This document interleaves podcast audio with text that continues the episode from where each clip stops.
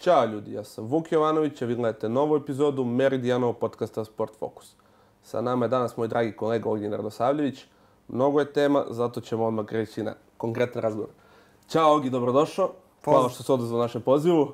Pozdrav Uče i drago mi što sam kod tebe u podcastu. Toliko je zanimljivih tema, zaista evo sad polako završavaju se sva važna i zanimljiva takmičenja. Imaćemo mnogo čemu da pričamo, tako da ajde da počnemo što pre. Ajde da počnemo jer će ovo baš lepo da se oduži, baš ćemo imati kvalitetan razgovor.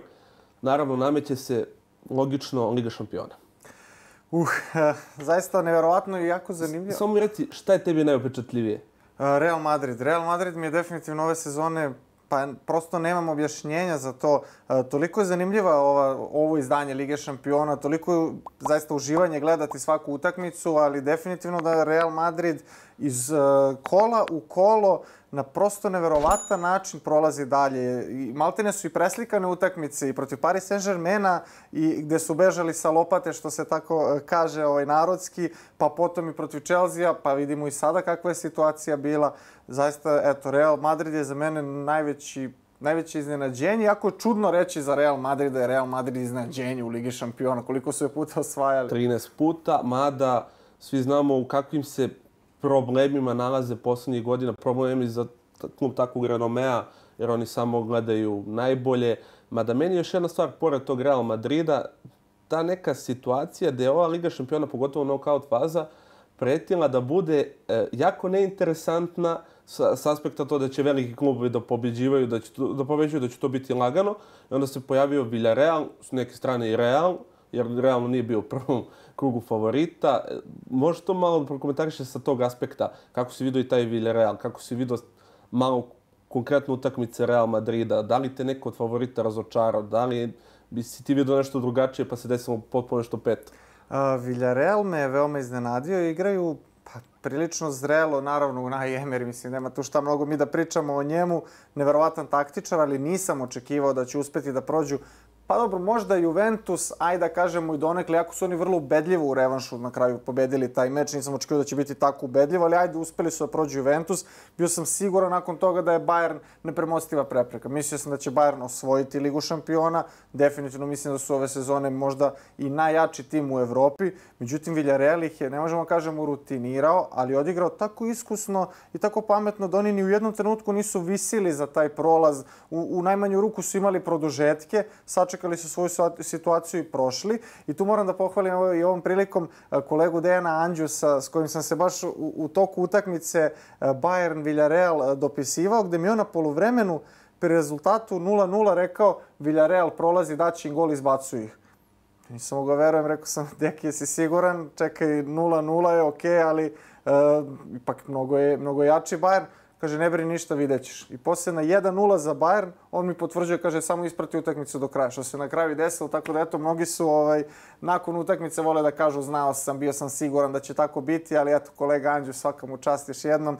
I to je dobro predvideo, a takođe mi je i rekao, pri rezultatu 1-0 za Chelsea u revanšu, ide na 3-0 i na 3-0 kada su promašili priliku za 4-0, rekao je gotovo, sad su ispali. I eto, stvarno su ispali. Tako da on je ipak bolji prognozer od mene. E, stvarno, sve što kažeš, stvarno je tako, pogotovo za taj Chelsea Real. Stvarno je nekako tekla ta utakmica, ja sam mislio da će Chelsea da zgazi Real 5-0, ali nešto, dotako se jedne vrlo interesantne stvari. Spomenuo se taj Bayern München koji je svake godine projektovan da osvoje Ligu šampiona. E, ko je veći loser od timova kao što su Bayern, Manchester City i Paris Saint-Germain. Tri tima koje, pogotovo ova poslednja dva koja vape za tom ligom šampiona, to im je poslednji, jedini cilj u poslednjih nekoliko godina, ako mogu da kažem i deceniju, a svi su ostali bez tog ostvarenog cilja. Meni je postalo čak pomalo i mučno gledati Manchester City i Guardiolu. Zaista, Čak su mi na kraju postali simpatični, jer u početku su svi govorili kao to je plastičan klub i bolje da oni ne osvajaju. Međutim, u ovoj konkurenciji u kojoj su se sada našli, ja sam čak došao u situaciju da navijam za njih. I stvarno sam se i nadao, rekao, da će da izbace ovaj Real ovakav kakav je, da će u finalu eto biti bolji od Liverpoola. Mislim da, da su im se, mislio sam zapravo da su im se konačno kockice poklopile, ali eto, Guardiola definitivno, a mislim i da imam, da mogu dovesti i zašto mu ne ide objasni odmah, zato što mene ostala upečatljiva slika iz nekog 117. Eh, minuta gde on seo i bukvalno bespomoćno gledao kako njegov tim ispada iz polufinala Lige šampiona. A s druge strane, jedan moj dobar prijatelj je rekao e, Guardiola nekako ne zna da igra te tesne završnice. Nekako kao da se izgubi, da on ima neku kontrolu kada je sve, kada je sve dobro, kada je njegov plan igre funkcioniše fenomenalno, ali samo je dovoljan taj jedan switch i sve se totalno promeni. Mislim da je razlog zašto nema džokera i nema klasičnog napadača. Videli smo Real Madrid u trenucima kada im ne ide, imaju koga da ubace taj igrač. Eto, recimo, ovaj put Rodrigo postiže dva pogotka. Kamavinga, odličan, Kamavinga, odličan, odličan segment, isto fenomenalno je bilo. I dok s druge strane mi imamo Manchester City koji koliko si puta primetio tokom utakmice da su Kyle Walker, Marez, posle Izinčenko prošli po krilu, pretrčali svog igrača, pogledaju kazan, nemaju kome da centriraju. Samo belo, samo vide bele drese. Samo vide bele drese i onda opet nešto zalamaju, pa driblaju, pa vraćaju nazad, pa onda opet naprave višak, pa opet nemaju kome. Mislim da im definitivno fali. Ja ne znam zašto Guardiola toliko ne voli te visoke, snaže napadače. On ima problemi sa Ibrahimovićem onda u Barceloni.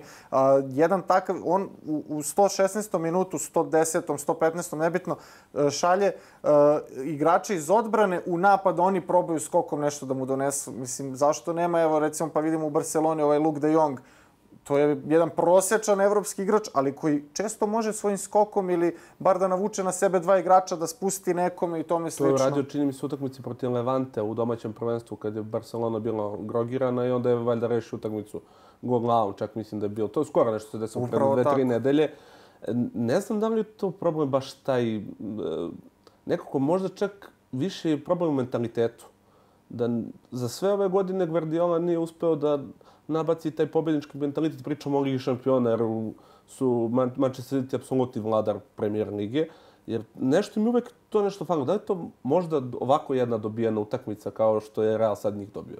Pa možda, definitivno. Mislim, oni nemaju tu pa da kažemo atmosferu na stadionu, jer gledamo sad, o, nakon što je to prošla ova cela situacija sa, sa pandemijom gde nismo imali navijače na tribinama i sada se ponovo vidi koliko su veliki faktor zapravo navijači, pun stadion, pa taj huk, pa kad krene na gužvu, na gurku, pa jedan gol podma, drugi gol za njim. Ne samo u utakmicama Real Madrida, imali smo to zapravo i, i Liga konferencije i Liga, Evro, i Liga Evrope su nam doneli neke neverovatne scene sa stadiona. Evo imamo i Rangers i Feyenoord, pa i Villarreal. Tako je, tako. Je, meni se čini da je Villarreal baš na tu atmosferu i na taj polet sa početka utakmice e, dao dva gola ovaj, Liverpoolu, a kod Manchester City to nema. Oni, baš kao što si rekao, igraju onako taktički, smireno, oni su u nekom svom svetu, oni igraju za sebe, ali kad im krene, kad, kad im ne ide zapravo, ne znaju kud, ne znaju kako da promene to kao Real što je napravio. Ajmo svi u napad, pa daćemo da. nekako. Pa da.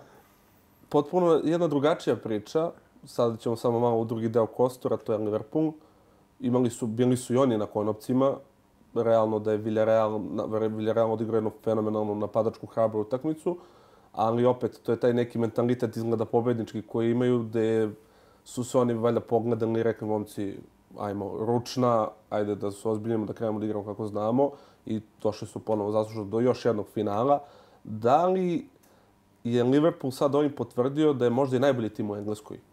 Od svih, najkonstantniji u poslednjih ajde kažemo jedno 7-8 godina. Mislim da Liverpool definitivno najbolje igra utakmice koje su na izbacivanje i to nije pokazao samo ove sezone. I recimo i prošle sezone smo imali uh, Leipzig, čini mi se, koji je jako dobro igrao, koji je u, u grupi pobeđivao i recimo i Manchester City, ili je to bilo ove sezone, nisam siguran. O, ove godine. O, ove, godine da. koje je, da, pobeđivao i Manchester City i Paris Saint-Germain u grupi. Međutim, odmah na sledećem stepeniku Liverpool ih rutinira i izbaci. Liverpool je definitivno ekipa koja e, kada je jača zna da igra, koja takođe, iako je to veoma redko, i kada je za nijansu slabija zna taktički bolje da se postavi, odnosno u prevodu igraju bolje na rezultat. Manchester City s druge strane definitivno je prešao igricu u svojoj ligi gde um, bilo kakva konkurencija u Engleskoj jednostavno Manchester City može svakome da da 3, 4 ili 5 golova, ali u pravu si, definitivno Liverpool igra dosta bolje kada, kada, kada se lomi. Kada, tako mislim da će oni i ovoga puta osvojiti titul? To ukrosi mi jedno sad pitanje, ali me zanima još nešto. To ću malo povezati sa Ligu konferencija, jer dva jedna maga trenerska su stvarno ponovo došli do finala. Reč je o Carlo Ancelotiju i Jose Mourinho. Šta sa tvog aspekta imaju ta dva čoveka? Ha, Jose Mourinho je, da, Pa, mene potpuno oduševilo kad sam vidio suze na njegovom licu. Čovjek koji je stvarno sve moguće osvojio, koji je i dve lige šampiona i kup UEFA i Ligu Evrope, to jest Ligu Evrope i sve u svakoj zemlji u kojoj je bio je osvojio sve što se u toj zemlji može osvojiti. U četiri najveće lige je osvojio prvenstvo. I posle svega toga on plače zbog plasmana u finale u jednu ligu konferencija koju su mnogi, pa i domaći mediji, pa i domaći navijači, evo ja kao partizanovac znam kako su se partizanovci obhodili prema toj ligi konferencija, nama je to ispod časti da igramo, to je neki treći ešalon ozbiljnog futbala, šta da igramo tamo s nekim florama i faunama. A opet e, onda dođemo u situaciju da Roma za sat vremena rasproda ceo stadion, a pogotovo ti navijači iz Rima su takođe razmaženi, nisu ni oni sad neki ovaj, rasprodaju, Feynord pravi neke zastave, Road to Tirana, idemo mi da osvojimo ligu konferencija, maksimalno ozbiljno shvataju to takmičenje i jedni i drugi, Mourinho, Mourinho, dakle, toliko ozbiljno shvata to takmičenje, tako da po meni to takmičenje pun pogodak, a pa mogu da kažem da sam siguran da će Mourinho osvojiti ovaj trofej. Ako postoji neka ekipa u Ligi konferencije koja ne odgovara Feynordu, mislim da je to Roma definitivno, koja zna da igra na rezultat, koja zna da se postavi protiv ovih omladinaca koji vole da igraju jako lepršavo i koji, koji mogu... lete po terenu. Neverovatni su, zaista. ja sam gledao utakmicu sa Partizanom i, mislim, navijam za Crvenu zvezdu privatno, ali kad naši klubovi igraju, to je, mislim da je potpuno normalna stvar da igrači i navijači svi budu uz naš klub ali nisam video kako Partizan može da izdrži onaj nalet u Beogradu.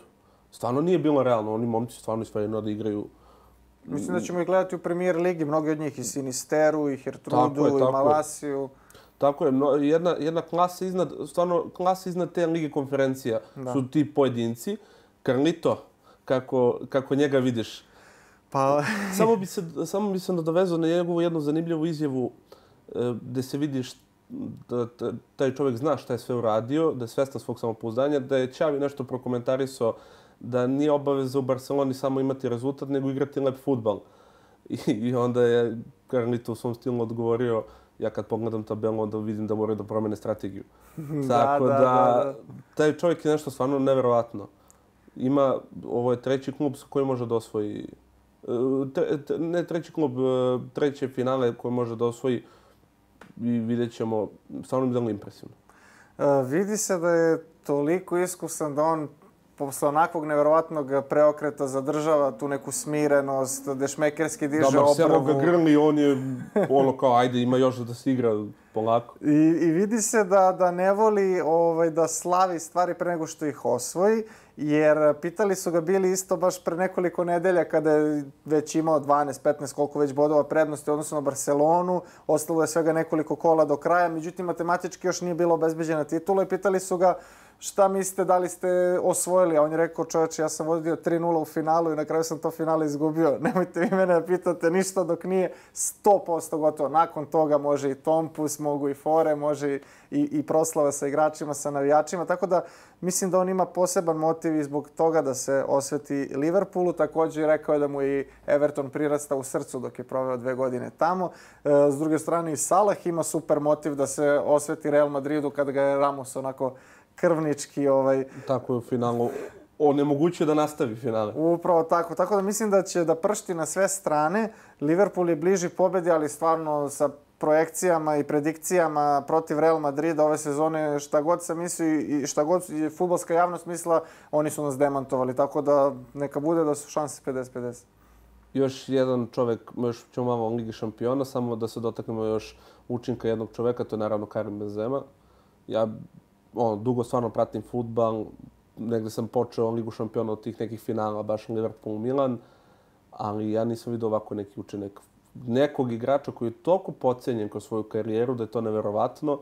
I sad svi mnogi pričaju šta bi bilo da nije igrao sa Cristianom Ronaldom tolike godine. Možda bi bio siromašniji za neki trofej, sigurno, verovatno, ali bi možda imao bolju individualnu statistiku. Šta ima taj Karim Benzema? Uf, to je dobro pitanje, pogotovo što mu se stvarno svašta desilo tokom karijere i sa reprezentacijom i sa klubovima. Specifičan i on karakter, ali definitivno da je gol igrač. Slično kao i Lewandowski, jako malo prostora mu je potrebno. On, recimo, baš u onom meču protiv Chelsea, jedan centaršut tako jako udara glavom, kao da je nogom, da, da bukvalno pogađa raše da se golman ništa ne pita. Sledeći opet šmekerski plasira dovoljno da lop golmana, da ne može golman da je dohvati. E, toliko raznovrstan, toliko jednostavno igra. E, od ove sezone čini mi se da se konačno i da je to jedan od faktora koji njemu dosta pomože da se i Vinicius malo uključio. E, dečko koji je nenormalno brz, koji može da predribla bilo koga, ali prethodnih sezona Vinicius dosta su ga trpeli, iskreno.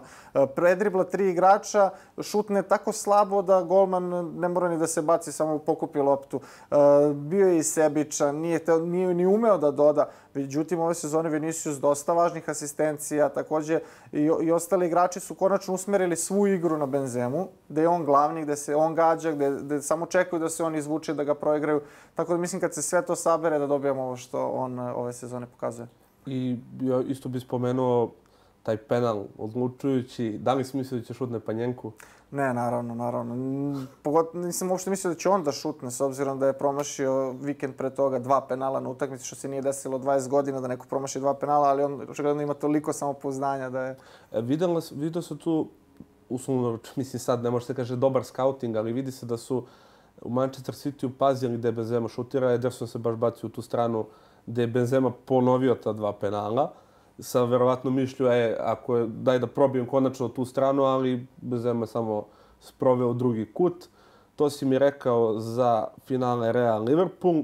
Donekle mogu da se složim, ali opet činjenica je da kada dođeš u takvu jednu utakmicu i igraju tako dva jedna velika kluba, da detalji odlučuju, ode nizbrdo, ne može baš Liverpool da se vrati protiv Real Madrida kao što može protiv Villarreala, to je činjenica, ali mislim da izostati dobar futbal neće sigurno. Sad se prebacujemo na niži malo rang, Liga Evrope, imali smo zapažen učinak nekih ekipa, zapažen učinak jednog srpskog kluba. Kako si ti vidio ovogodišnju Ligu Evrope? Meni delo je za nijansu atraktivnija nego svih prethodnih sezona. Ne znam šta ti misliš. Definitivno i Liga Evrope i Liga konferencije su mnogo atraktivnije i zanimljivije. Mislim da je glavni razlog za to što se poništilo pravilo gola u gostima, koje je zaista dosta kočilo igru. E, uglavnom su timovi imali zadršku zbog tog pravila, pa kalkulisali, pa da li nam odgovara da primimo, daj bolje mi da zatvorimo, pa ćemo da vidimo. Ovo sada se stvarno igra muški na sve strane, pa bolji nek pobedi. Mislim da je i poštenije i, i mnogo bolje pravilo. I mislim da Liga Evrope i Liga konferencija da su mnogo bolje za naše e, predstavnike. I ne samo zbog e, toga što Partizan i Zvezda mogu da igraju na, na tom nivou, da osvajaju bodove, da nisu samo puki statisti kao što bi bili u Ligi šampiona, već između ostalog i zbog finansijskih naknada, a takođe i zbog UEFA koeficijenata. UEFA koeficijenti su jedna jako interesantna tema, nekima većini u stvari komplikovana uh, i dosta su čudni. I recimo ove sezone Eintracht je osvojio u koeficijentima, odnosno u tim poenima, uh, više nego bilo ko u Ligi šampiona osim finalista, što ti pokazuje koliko UEFA zapravo vredno je ta takmičenja i koliko je važno ostvarivati pobede i bodove. Gde mi imamo jedan recimo Briž koji je odigrao sa PSG-om 1-1 koji možda i mogao da pobedi PSG, ali taj Briž je na kraju ostvario mnogo manje poena. Iz grupnoj fazi i ništa nije mogo nego Partizan ili Zvezda i zato smo mi prestigli te Belgijance na kraju krajeva i zato mi sad imamo bolju poziciju nego oni. Dakle, očigledno da UEFA mnogo ceni svoje takmičenja. Da li je to da bi demotivisali e, manje timove da se uopšte takmiče u Ligi šampiona koji pokušavaju očigledno da zatvore već nekoliko godina i ka tome se očigledno ide, Uh, kako god bilo, mi to treba da iskoristimo. Mi smo to na kraju krajeva i iskoristili. Sigurno uh, od sledeće sezone imamo dva predstavnika u kvalifikacijama za Ligu šampiona, što automatski znači da 90% da će oba tima igrati evropsku grupnu fazu. Takođe, već od ove sezone, s obzirom da su Rusi izbačeni, uh, drugoplasirani, što će u ovom slučaju najvjerojatnije biti Partizan. Ako Rangers pobedi u finalu Lige Evrope, počinje čak od play-offa, a Zvezda počinje, to odnosno šampion, ali eto, neka bude... Još, još to nije gotovo, kao što je rekao Karlo Ancelotti, Da, da, može da, da, da se desi Ja se nadam, naravno, ali bez mnogo vere. Pričat ćemo Pričat ćemo o tome, to, veze. Ali toga. hoću kažem da šampion kreće iz treće kola kvalifikacije za Ligu šampiona, a drugoplasirani, odnosno pobednik kupa, odnosno finalista kupa, zavisi kako se bude uh, odvijale, odvijala situacija, počinje da li iz play-offa ili iz trećeg kola. Mislim da iz play-offa idemo sigurno Ligu, iz, iz play-offa ako Rangers pobedi. Tako, to, to, to, to. I u tom slučaju bismo sigurno imali takođe dva predstavnika u evropskim uh, grupama, što je neverovatan uspeh za naš futbol. Znači, naredne dve sezone Maltene ćemo gotovo sigurno imati pre, dva predstavnika i dalje će da se bilduje taj koeficijent. Naravno, pad će uslediti u jednom trenutku s obzirom da nam se uključuje i peti tim. Tako je, a nismo za sada se proslavili kao neka nacija koja ima više od dva tima koji skupljaju bodove. Treba nam neka Vojvodina, neki radnički Čukarički. Niš, Čukarički, TSC. Stvarno navijam i za te klubove, pogotovo u evropskim mečevima i drago mi je kada bi oni igrali možda neku grupnu fazu, a zašto da ne i otkinuli bod nekome? Pa Čuka je to pokazalo ovo leto da može da igra dobar futbol. Hammarby je malo bio do duše nešto malo bolji, ali srpski futbol ćemo ostaviti za trenutak na stra po strani. Da li si očekivao Rangers toliko daleko, pa i Eintracht? S obzirom da znamo s kim su igrali. Da, Eintracht je veoma interesantna tema zato što ljudi su uglavnom uh, računali Eintracht, Leipzig, Nemci, to je isto, sve jedno, mislim, verovatno će oni da igraju finale, to je manje više pa isto, a nije zapravo tako, s obzirom da Leipzig mnogo, mnogo, mnogo više novca ulaže, ima transfere od po 17, 20, 23, 16 miliona, dok Eintracht Frankfurt ima transfere 3 miliona, 2 miliona, pa onda free transfer. A vidjeli smo šta je bilo u slučaju Kostića da mu nisu dali da idu jer znaju da ne mogu da nadomeste tog igrača. Upravo tako. Takođe tim Frankfurta vredi 200 miliona, dok tim Leipziga vredi 400 i nešto miliona, tako da nije to isti kalibar i zapravo iznenađenje što se Frankfurt tu našao. Moramo biti iskreni. Oni igraju super već duži niz godina i svakim čas na, na tome, ali nisu neki trošađije, nije tim koji mnogo ulaže, pa sad od njih se to i očekuje predstavljaju i oni, a i Rangers, boga mi, jedno iznenađenje. S obzirom da, recimo, ove sezone uh, Rangers je uložio svega 2,5 ili 3 miliona evra u pojačanje. To je videli smo kako su igrali protiv Zvezde. Ja mislim da ih je Zvezda zapravo od svih protivnika u, u nokaut fazi najviše namučila. A mnogi ne znaju da je malo falilo. Zapravo imali su isti broj bodova, gol razlika je odlučivala da Rangers prođe grupu, a da Sparta Prag ispadne. Imali su po 8 bodova. Potom je Partizan, videli smo, pobedio Spartu. Moglo je da bude i obrnuto, mogla je Sparta zbog bolje gol razlike da prođe dalje. Rangers je knap prošao, što meni daje e, nadu i veru e, da u narednih ove, eto, dve godine Crvena zvezda ili Partizan mogu da dođu do finala, a zašto da ne i da osvoje neko od ova dva takmičenja? Ovo, ja mislim da em, sve što, što si nabrao potpisujem potpunosti, ali imamo i onaj navijački deo gde sad mogu i navijači jednog drugog kluba da se, e, da nismo na njih naletali, došli bi mi do finala. Upravo tako, ali to jeste tako. Jer stvarno e, možemo komentarisati, čini mi se za nijansu više Crvena zvezda da je bila konkurentnija i da je samo čudo spasilo Rangers. Jer ja neću zaboraviti onu facu Tavernija kad izbacio neku loptu posle neposredno posle rezultata 1-0, gde on čovek gleda ko gde smo mi došli. Mi imamo na Ibroksu vrhunske navijače i ono vrhunsko atmosfero šta je ovo, šta se ovo nama dešava i tako da se nadam da će biti i naši klubi konkurentni još više, napraviti još jedan korak dalje kao što su do sada radili. Tvoja prognoza Eintracht Rangers? Uh, uh, uh, pa navijam za Rangers da, eto, kao zbog srpskog futbala najverovatnije Partizana, a, ali mislim ipak da je Eintracht bliži pobedi, da se igra na Ibroxu Rangers, ali da, s obzirom da se igra na neutralnom terenu, mislim da će Rangers postaviti defanzivniju taktiku, da se oni u toj defanzivnijoj taktici ne snalaze baš najbolje i da će Eintracht odneti prevagu.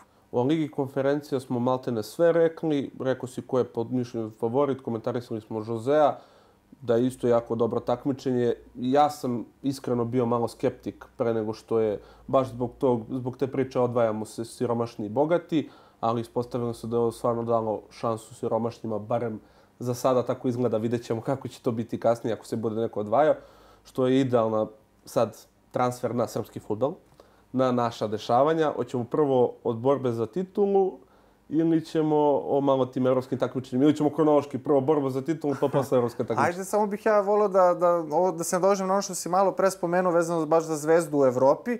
Mislim i slažem se u potpunosti da je zvezda trenutno u dosta boljoj poziciji u odnosu na Partizan u Evropi, baš zato što imaju taj neki kontinuitet već narednih, već prethodnih, pardon, nekoliko godina igraju evropska takmičenja i postavili su dobar sistem. Imaju i širi roster, odnosno dužu klupu, koja može da pokrije pozicije kada, kada zagusti, a opet s druge strane imaju taj faktor Marakane koji oni dosta dobro koriste u evropskim takmičenjima. Slično kao što je Rangers sada na svom terenu protiv Leipciga se nametnu i Leipzig Tako nije mogao da uspostavi svoju igru. Leipzig može da ima i ovog Jusufa Poulsena i Andreja Silvu, međutim oni se nisu videli u tom meču zato što je Rangers na svom stadionu pred svojom publikom postavio igru onako kako njima odgovara. To je nešto što i Zvezda vrlo uspešno radi u, e, na, u, na evropskoj sceni prethodnih nekoliko godina, gde su zaista pretvorili Marakanu u neku svoju tvrđavu, gde se niko nije mnogo naigrao futbala. Ne sjećam se ni ko ih je pobedio na Marakani, osim Mitilanda, i to samo zato što je bio crveni karton u samom početku Tako. meča. Osim toga, ni Milano, ni mnogi drugi timovi nisu uspeli Zvezdu da pobede na Marakani, niti će u nekom narednom Braga periodu. Braga isto koja je dogurano daleko. Braga je izgubila, tako je na Marakani, prethodnih sezona, pa ko sve je gubio. Ok, Liga šampiona je drugi nivo. Tu... Ali tu je bilo opet nekih lepih rezultata. Olimpijakos je gubio. Svaki tim koji je tu negde malo bolji, možda malo slabi, nije se dobro proveo na Marakani. Ne pričamo sad o Paris Saint-Germainu, pa ni Liverpool se nije dobro proveo pa, na Marakani. A i Paris Saint-Germain nije pobedio ni izboj za toliko ubedljivo kao Bayern pobedio jest, Bayern jeste. Bayern jeste i da. to i Tottenham čini mi se da, je, da, da, da. da su to bile utakmice ono čiska, ali to je realno ne može... Arsenal se bio provuko nešto, ono, Žiru je izmislio neki 1 gol. 1-0 je bilo, tako, da. Žiru, onaj neki da, čudan gol petom iza leđa. Što su se svi ponadali da li je offside, nije offside, da, da, da, da. ali kad pogledam odnos cene i kvaliteta nije, nije realno bilo da, da, da Zvezda da, da, tu da, da, napravi da, da. neke ono se jednom desilo na jedne novembarske noći protiv Liverpoola da, i to je da. to. E, baš bih hteo taj duži roster i to malo veće iskustvo u Evropi. Da li misliš da je to sada presudilo da Crvena zvezda imala dva zlatna boda u odnosu na Partizan. Uh, Jer videli smo onaj jedan derbi, to jest ja bih uvek volio da istaknem vreme više nego ceo derbi, gde je Zvezda pokazala neku evropsku igru i posle toga je kao da je pretočila neko iskustvo, e sad više nema gubljenja bodova protiv uslovračano manjih timova i čekao se kiks Partizana, desio se. Mislim da je glavna stvar definitivno ta duža klupa. I to je jedna od stvari, e, mislim možda, pa da kažemo i jedina glavna stvar koju ja zameram Stanojeviću kao veliki partizanovac, bez da ja nešto njega sad javno prozivam ili tome slično, e, ali bila je situacija, zimska polusezona, posljednja konferencija za štampu, bio sam tamo prisutan gde je Stanović onako pomalo i, i nadobudno rekao uh, imali smo dogovorenog ekstra stranca, napadača, međutim ja sam taj transfer stopirao, zašto bi on gušio mladog Milovanovića koji je, e, jel te, se pokazao u nekoliko utakmica. I to je legitimno, ali tako se ne osvaja titula, jer u, recimo protiv napretka iz Kruševca, kada juriš rezultat, ne ide Ricardu, ne može baš uvek da mu ide. E, neozbiljno je da dete od 18 godina ulazi da, da, da vadi kestenje iz vatre, da izlači situaciju, da mora, imperativ, mora da da gol u tom trenutku, da bi Partizan nastavio da, da pobeđuje i da bi održao tu bodovnu prednost. Recimo, Zvezda s druge strane ubacuje Pavkova. Ne možemo tako da poredimo Pavkova i neko... ima neko iskustvo koje je zavidno. Upravo tako. Upravo tako. Zvezdin I Pavkov Joker. koji reši. On tako i reši. Je. On je i protiv proletera, ako se sećaš, neposredno pred taj derbi tako koji je Zvezda pobedila. Zvezdi je visilo protiv proletera. On je ušao i skrenuo loptu glavom 80 nekom minutu i Zvezda je pobedila.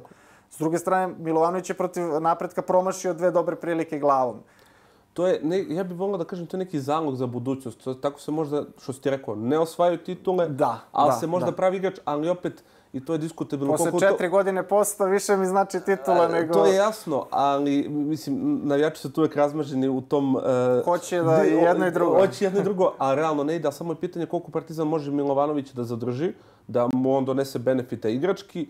Finansijski će verovatno to biti kako treba, ali opet nije to samo rešenje, nego treba malo igrački da se donese ta neka titula, što je jako bitno.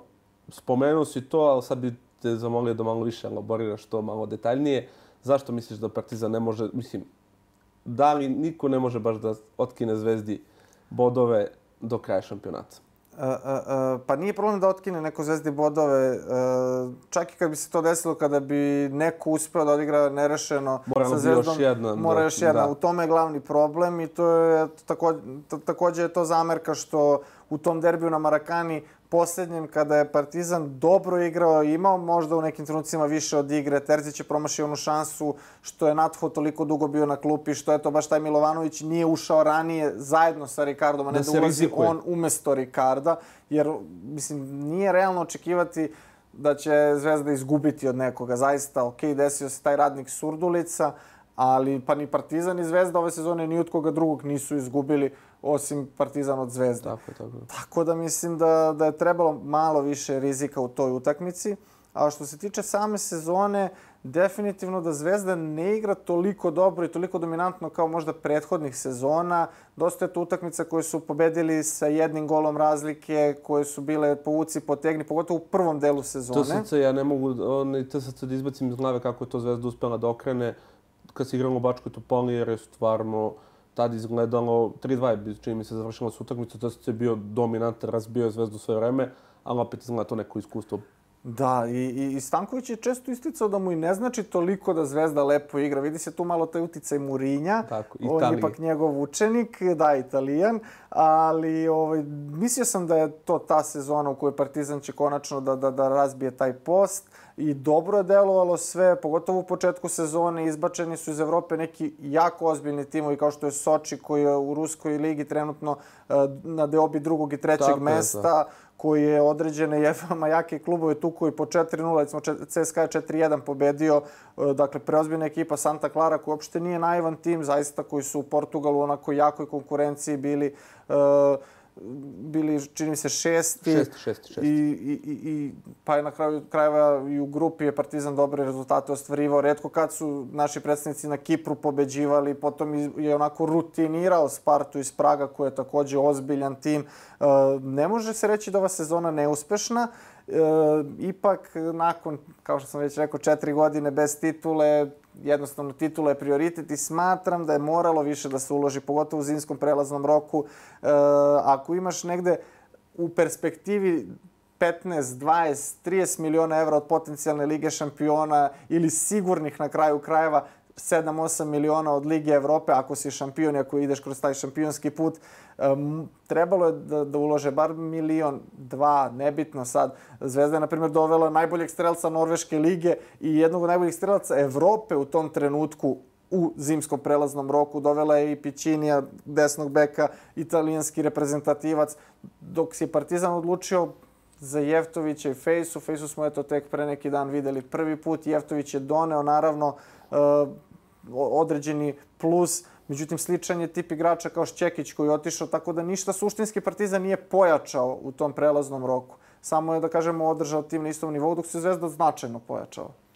Ne znam, uh, možda bi čak je prostofirao to da je moralo da se ide na jeste da sledeće godine dobija, to jest on je tamo od prvog dobija mnogo više benefita u Evropi, ali možda nije bilo loše sad napasti. Sad se pravi baza. Sad se pravi, e, upravo to. Sad se pravi neko ko što vole menadžeri da kažu pravi se tim za Evropu u januaru. Upravo ne pravi tako, se da, u da. junu. Tako da možda sa tog aspekta je Partizan, opet, lako je nama sad odavde da mi pa, prognoziramo. Dobro, ja sam to i tad govorio i mislim ne. i većina partizanovaca i na forumima i ovako u razgovoru, ali eto. e, sad prebacujemo se odmah na taj evropski deo što se tiče našeg futbala. E, da li stvarno misliš, ja mislim da će opet Partizan i Zvezda doneti svoje, uraditi svoje u Evropi. Da li je to realno sad očekivati, barem sad ovo leto od TSC, Čukaričkog, ne znam ko će, ne znam ko će izboriti, ali delujem da su TSC i Čukarički tu najbliži možda. Čak i Voždovac dobro, dobro stoji na tabeli, ali da li je realno očekivati njih sada ili možda čak sledeće godine? A, mislim da ove sezone da nije došlo do, do ispadanja, to je do izbacivanja ovih e, ruskih klubova, da ni naš vice šampion, kogod to bio, a takođe, ako bi to bila zvezda, ne bi prošao kvalifikacije za ligu konferencija, koje su jako komplikovane, jako nezgodne, de, de, imamo opet tu situaciju sa, sa UEFA koeficijentima da je 16. zemlja u Evropi, uh, ima jednog samo predstavnika u kvalifikacijama za Ligu šampiona, a čak tri predstavnika koji od drugog kola kvalifikacija za Ligu konferencija, gde tu ima mnogo nezgodnih tima, mnogo nezgodnih, bilo je kao što je Soči, kao što je Santa Clara, kao što je Feyenoord, Pa i Feyenoord isto prolazio kroz kvalifikacije. Roma, mislim da Roma je direktno Roma je direktno otišla, ali ne, Viktor, Kopenhagen. Kopenhagen, znam, Basel, znam Viktorija da. Plzen. Znači, svi ti timovi igraju kvalifikacije za ligu konferencija koje su veoma nezgodne,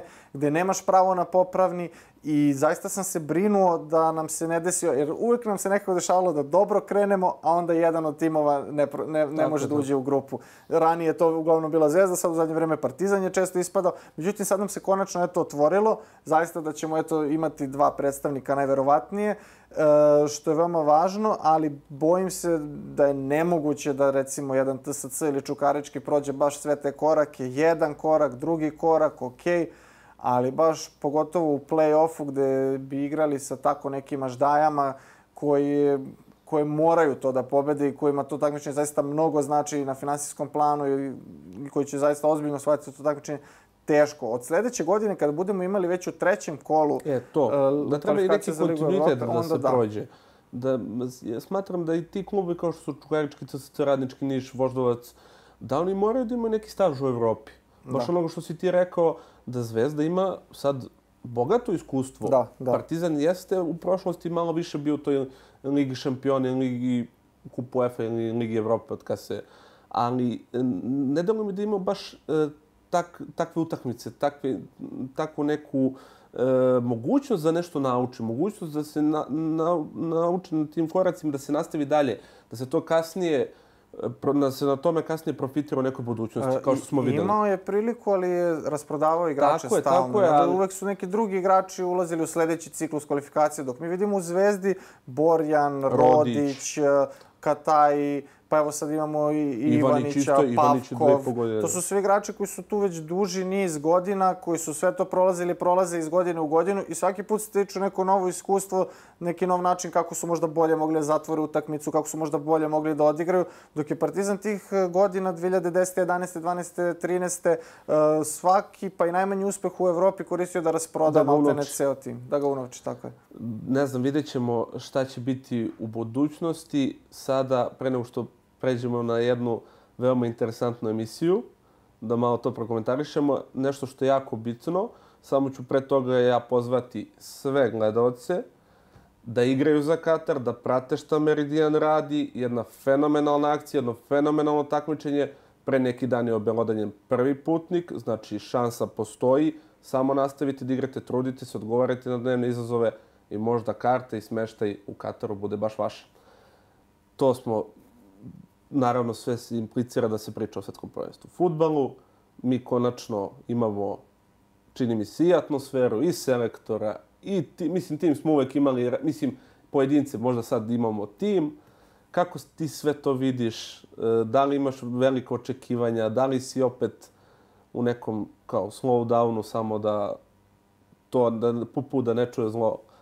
Uh, uf, dosta je, dosta je ozbiljna tema. Uh, i možemo i pristupiti sa, sa mnogo raznih strana. Evo recimo, što se tiče samog tima, čini mi se da Srbija, pa recimo prethodnih 20 godina, uglavnom bila mnogo jača u defanzivi, u toj zadnjoj liniji, dok je u napadu uglavnom bio problem. Mislim, samo pogledajmo u kojim su klubovima igrali tako naši je, napadači. Tako je, tako to je neki evropski prosek, budemo iskreni. Sada je to jedan evropski krem da imamo i najboljeg strelca Championshipa koji je postigao 43 gola. Imamo igrača koji je za 75 miliona prešao u Juventus, imamo igrača koji je za 60 miliona prešao u Real Madrid. Mislim, to je sad stvarno jedan respektabilan napad Dušana Tadića, neću da komentarišem, koji može da igra gde god hoće, ali on hoće da igra u Ajaxu, a realno može da igra gde god hoće.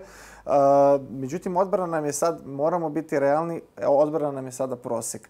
I uh, mi ako gledamo recimo evo Švajcarska, njima igraju igrači koji igraju u Borussiji Dortmund, koji igraju tako nekim timovima i tu igraju prvog štopera, dok nama recimo Strahinja Pavlović kojeg ja obožavam jer je eto i, i partizanovac i sve super, ali on je realno u, u Bazelu pitanje da li će igrati, malo igra, malo ne igra, traži se po pozajmicama, Milenković super igra, ali, ali je to i dalje Fiorentina. Tako Pitanje je gde će preći, da li će preći ovo leto, ako pređe da li će igrati tamo, u kakvoj će formi biti u novembru.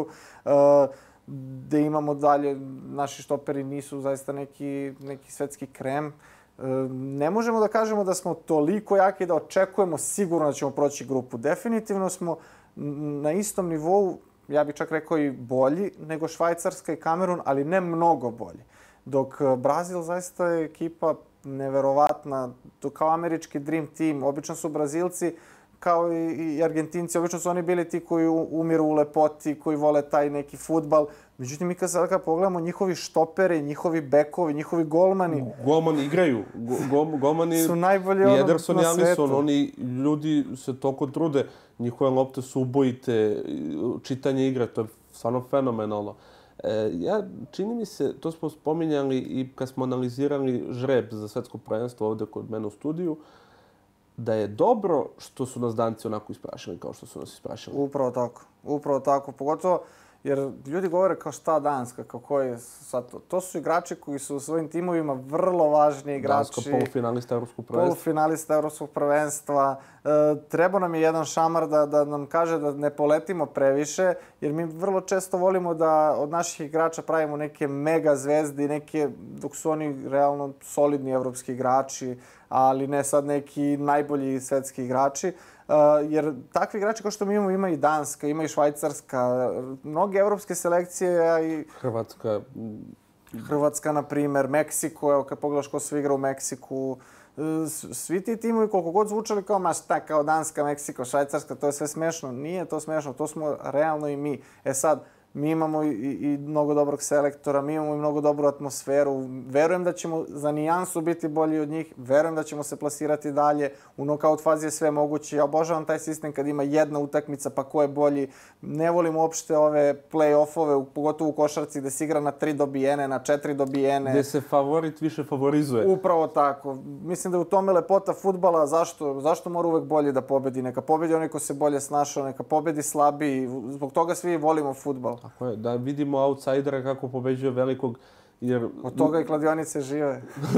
pa ne samo to, nego su i ljudi, većina stanovništva je outsiderski nastrojena. Hvala Bogu. Uvek podržavamo slabije. Tako, uvek volimo, jo, ko je slabiji, pa ajde onda pobedi da vidimo dosta mi ovih više Nemaca, Francuza, stalno Italijana, samo su oni prvi Španci, ne mogu više da ih gledam, Brazilci, Argentinci, daj malo neko od naših. Ja se iskreno nadam da je konačno da imamo zrelu reprezentaciju, da je konačno došlo to neko naše vreme, ajde možda da ne napravimo rezultat kao Hrvatska, možda to baš i nije toliko realno, zavisi ako sad otvoriš Otvorilo im se, oni su prošli Tako je, na, sve na penale. I... Dansku, Rusiju Na i, Englesku na produžetke su prošli. Uh, opet otvorio se žreb, što nama može nekako da se ne mogu sad da baš da se setim, ali sam nešto čito Može, da može. samo Argent, mislim samo, koliko to glupo zvuči, ako sve bude kako treba, Argentinci bi nam bili najveći protivnici do A polufinala. stvar je u tome što nikad ne bude sve kako treba. Uvijek se naravno, svašta naravno, izdešava. nama počinje od prve utakmice u grupi uvek. Da. Ako se vratimo neka prvenstva ranije, tipa ona 2010. Pagana, koju smo već videli dobijena utakmica, pa smo onda malo poleteli pa ruka, pa onda pobedimo Nemce, pa mislimo, a Australija, to će da bude gotovo i onda Australija izađe i 2-2 bude, 2-1 bude i 2:1. ajmo kući. Specifičan je reprezentativni Tako- futbol. tako je. Tu nema sad tu mnogo treninga, uigranosti, da su oni spremaju se mesecima, pa igraju ligu, pa poznaju se u dušu. Tu se uglavnom, po mom mišljenju, dva ključna faktora. Ili one klasične šablonske uigrane akcije koje forsiraš pa dok ne prođu i mislim da to mnogo dobro rade i Danci i Norvežani i tako neki reprezentativi koji su disciplina, oni će da Česi, oni će da probaju 10 puta istu akciju po krilu i dva puta će proći i daće ti gol sigurno. A dok smo mi često tu pokušavali nešto da umiremo u lepoti, pokušavali nešto da izmišljamo, da ispravljamo krive drine, pa se nismo snalazili. Bolje nekad igrati šablonski, pa proći. A drugi način e, na koji reprezentacije igraju je inspirisanost igrača u tom trenutku, nekog vrhunskog majstora, a mi, hvala Bogu, imamo igrače i za jednu i za drugu opciju. Imamo i Dušana Tadića koji može da izmisli gol, a imamo i Mitrovića koji od 10 centar šuteva, ako dobije 10 centar šuteva, sigurno će jedan dati ili dva. Tako je. E, Stvarno raznoliki smo. Ja mislim, e, spomenuo se obranu, ja bih apostrofirao da smo ovog puta malo sigurniji na golu. Da, Da, da, da, da to izgleda baš dobro sa Rajkovićem.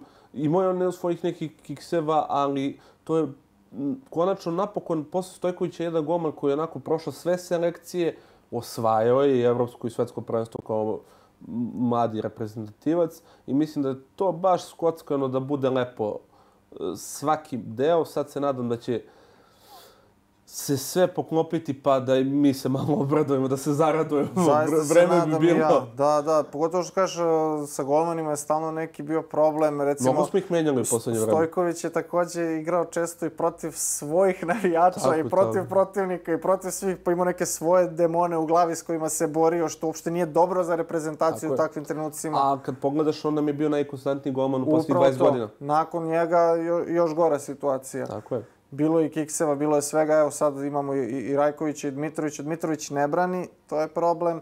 E, golmanu je mnogo važno da brani. nije bilo realno, mislim, u Sevilje da dobiješ Pa šansu. nije, nije. Ni- e, Do, došao već kod čoveka koji je tu godinama, Da, da. znaš, mnogo je to kod golmana pipavo. Rajković s druge strane brani zaista ovaj, po francuskoj ligi jako dobro, gde se stvarno igra jedan muški futbal, gde je pretrčavanja, natrčavanja, šutiranja. Jedna od pet najčih liga, šta god kažu statistike. Tako je, i... tako je, da imamo mnogo dobre igrače koji mu redovno šutiraju, da on njima redovno brani, često i sačuva svoj gol. E, pravi trening, nešto što možemo samo poželimo da tako bude pred Katar. Ja se nadam, iskreno, rekao si, prolazimo grupu, hoćeš malo još jače da prognoziraš Da, ja ili... bih rekao da dolazimo do četvrt finala, e, ali ne ni približno lako kao što mnogi pretpostavljaju. E, mislim da ćemo grupu jedva proći, da će se u zadnjem kolu e, sa Švajcarskom, i to je dobro što se tako raspored namestio, odlučivati da ćemo tu utakmicu pa šta nam bude trebalo, ili odigrati nerešeno ili pobediti. E, nakon toga mislim da nećemo igrati sa Portugalom, mislim da Portugal neće proći grupu kao prvoplasirani, da će to biti možda Urugvaj, možda čak i Južna Koreja. E, ne bih se iznenadio da tako bude. E, mislim da Portugal neće tako dobro proći na ovom svetskom prvenstvu, da ćemo i tu utakmicu proći i to na produžetke, možda čak i na penale, a da na sledećem koraku već nećemo imati sreće. Ja iskreno mislim da je neko četvrt finale, da bi to bio neki početak, jedna lepa zaleđina, da se napravi neki kontinuitet rezultata i da se mi bacimo na tu mapu svetskog i, to jest evropskog, pa posle i svetskog futbala. Sad za kraj, ostalo nam je još malo vremena, ali moram da spomenem stvarno, nema veze što si mi ti gost, nego stvarno ja redko gledam emisije, pogotovo na YouTube-u, ali jedna se posebno izdvojila poslednjih meseci, napravila pravi bum, penalty challenge na Meridianovom kanalu. Ti si voditelj, ti si sve osmislio. Možeš malo da nam približiš taj koncept, kako je sve to počelo, otkud saradnja sa Meridianom?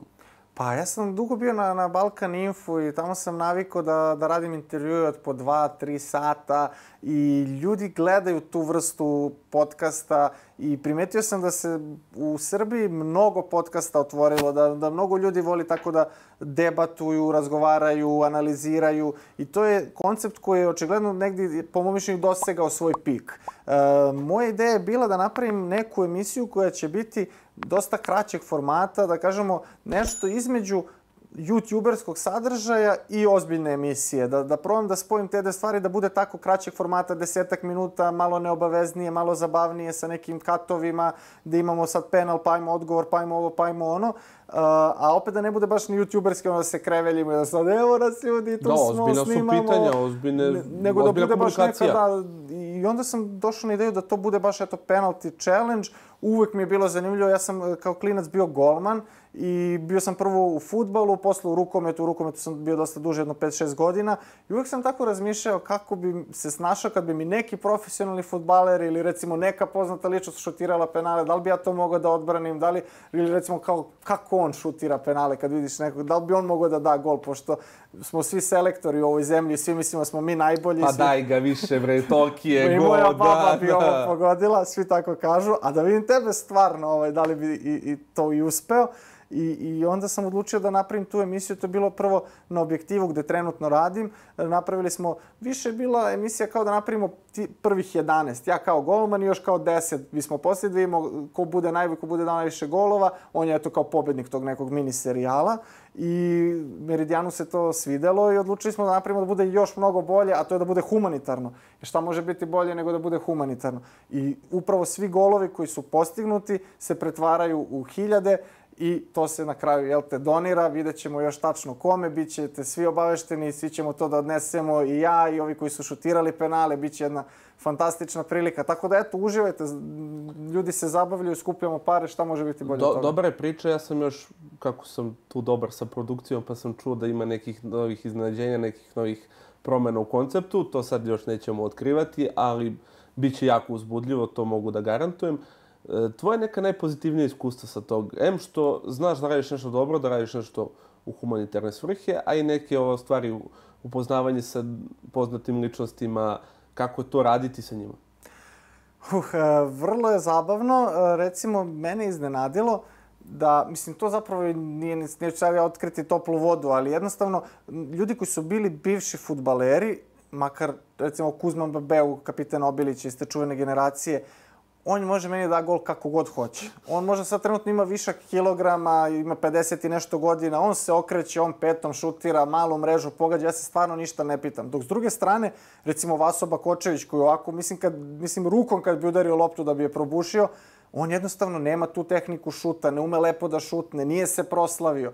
Tako da nema zaista pravila na osnovu nečije konstitucije da će on sigurno biti dobar izvođač. Više ima do iskustva i do treninga i pogotovo se primećuje da sedmi, osmi, deveti, deseti A, penal... A, tu već pada koncentracija. Tu već, da. Tako da, ovaj, e, jako pozitivno i zanimljivo, pogotovo mi je bilo interesantno vidim kako će i devojke da šutiraju. Za sada smo imali tri devojke, imali smo jednu MMA šampionku, imali smo Milicu Todorović, uh, našu pevačicu i Vanju Veljić, youtuberku, tako da i one su se super snašle, tako da svaka čast i devojkama. Nadam se da ćemo imati u narednim epizodama još više devojki koje će da šutiraju penale. Ja se nadam da će sve to ići svojim tokom, stvarno bezbroj pozitivnih komentare, vidim jako lepe reakcije, lepo mnogo raditi, samo se nadam da će to samo nastaviti još sve bolje da ide. Sad želim da ti se zahvalim što si izdvojio vreme, bio ovde sa nama. Stvarno, fenomenalno smo razgovarali, nadam se da ti bilo, bilo prijatno. Mislim, Kako ne? E, nisi često ovaj ulozi gosta, nadam se da te nisam previše nikako, izmorio. Nikako, nikako, bilo jako zabavno i nadam se da smo gledalcima dali neke teme za razmišljanje. Nek napišu naravno u komentarima šta Tako misle je. o tome, da možda se nešto i ne slažu sa nama. Tako je, i mogli bi da napišu ko su njihovi favoriti za ova tri finala, a i dok ne može Srbija na svetskom prvenstvu u futbalu. Tebi hvala još jednom i sve najbolje u daljem radu. Hvala ti puno, nastavljamo dalje.